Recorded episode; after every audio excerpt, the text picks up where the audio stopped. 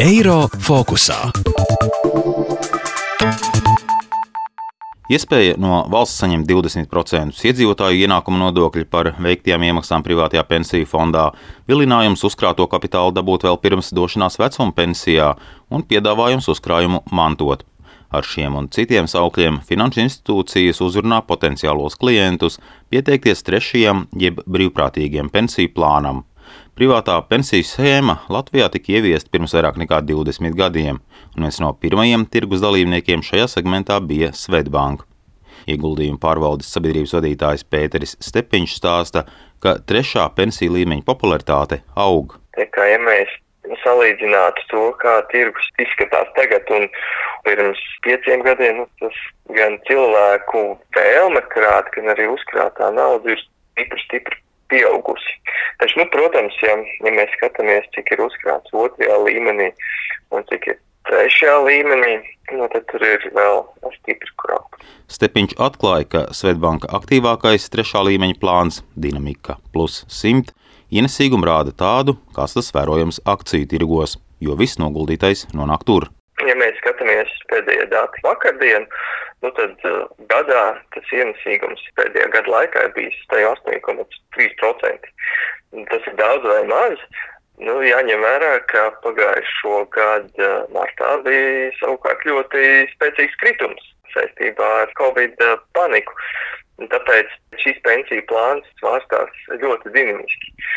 Varbūt pastāstīt, ko krājējiem nozīmē, piemēram, pēdējie pieci gadi. Nezinātājiem, ja viņš pirms pieciem gadiem ir trešajā pensiju līmenī noguldījis vienu eiro, kas ar šo vienu eiro ir pēc pieciem gadiem? Piemēram, ja mēs skatāmies uz dinamiku simts, tad, ja krājējs ir pirms pieciem gadiem ieguldījis vienu eiro, kā jūs sakiet, tad šodien šis viens eiro būs vērts viens eiro un 62 centi. Eksperts gan uzreiz norāda, ka šādā veidā pilnu bildi ieraudzīt nevar, jo trešajā pensiju līmenī parasti tomēr veids regulāras iemaksas.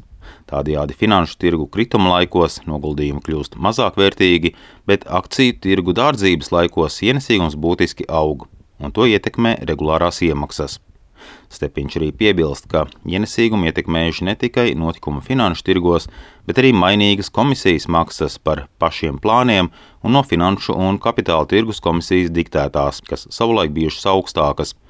Un tieši zemākas komisijas maksas par pensiju plānu uzturēšanu un audzēšanu, kā savu trumpi sauc kompānija Indexo, kas pavasarī grasās startēt arī brīvprātīgo pensiju tirgū.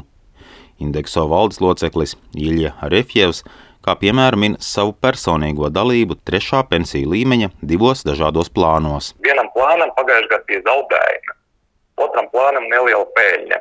Bet, nu, zinot to, ka tas ir ilgtermiņa produkts, uzkrāšanas produkts, varbūt īstenībā par to nevajadzētu satraukties. Tāpat laikā, ja mēs nedaudz iedziļināmies e, šajā problēmā, tad tas, ko mēs redzam, ka finanšu tirgos pēdējos desmit gados vai pat ilgāk periodā bija ļoti, ļoti spēcīga izaugsme. Šī tik laba ienesīguma mēs īsti neredzam Latvijas pensiju trešajā līmenī. Viens, protams, ir komisijas maksas, par kuru mēs esam runājuši jau diezgan daudz. Indeksas piedāvā pensiju plānus ar zemām izmaksām. Tālāk līdzekļi tiek ieguldīti zemo izmaksu ieguldījumu fondos. Nu jau kādu laiku starp indeksa un vecākiem tirgus dalībniekiem vērojama rīvēšanās un apmaiņa savstarpējiem apvainojumiem par pārāk augstām vai nepietiekami atklātām komisijas maksām, kas gulstas uz klientu pleciem. Tas viss rāda, ka tirgu pastiprinās konkurence. Nu pat pensiju fondu sarakstā pievienojies septītais dalībnieks un to vēro arī Finanšu un Kapitāla tirgus komisijas apdrošināšanas un pensiju uzraudzības departamenta direktore Evija Dundure pensiju līmenis un tirgus situācija, protams, piedzīvoja izmaiņas, ko diktēja pagājušā gadā pandēmijas Covid eh, ietekme. Tomēr kopumā ņemot, eh, un mēs skatāmies šobrīd uz trīs ceturkšņu datiem pagājušā gadā, kopumā ņemot, varētu teikt, ka pensiju fondiem gads bijis veiksmīgs. Pieaugušas praktiski visas līnijas, gan pensiju plānu neto aktīvi, gan ieguldītāju skaits, arī aktīvo dalībnieku skaits, un kas ir pozitīvi, arī viena dalībnieka vidējā iemaksa mēnesī. Tā kā varētu teikt, ka šis segments nav cietis, ja iedzīvotāji un ieguldītāji ir saglabājuši savu uzticību un pat raduši iespēju stiprināt savus ieguldījumus trešā pensiju līmenī. Dundura teica, ka straujāk ar 22% kāpumu pērn sākuši ieguldīt darba devēji, tādējādi attīstot padoto motivācijas sistēmu. Potenciālais ienesīgums pērn piedzīvojis vairākus satricinājumus, bet visi plāni gadu esot nostrādājuši pozitīvi, un tas liecinot par trešā pensiju plāna attaisnošanos. Edgars Kupčs, Latvijas Radio. Eiro fokusā.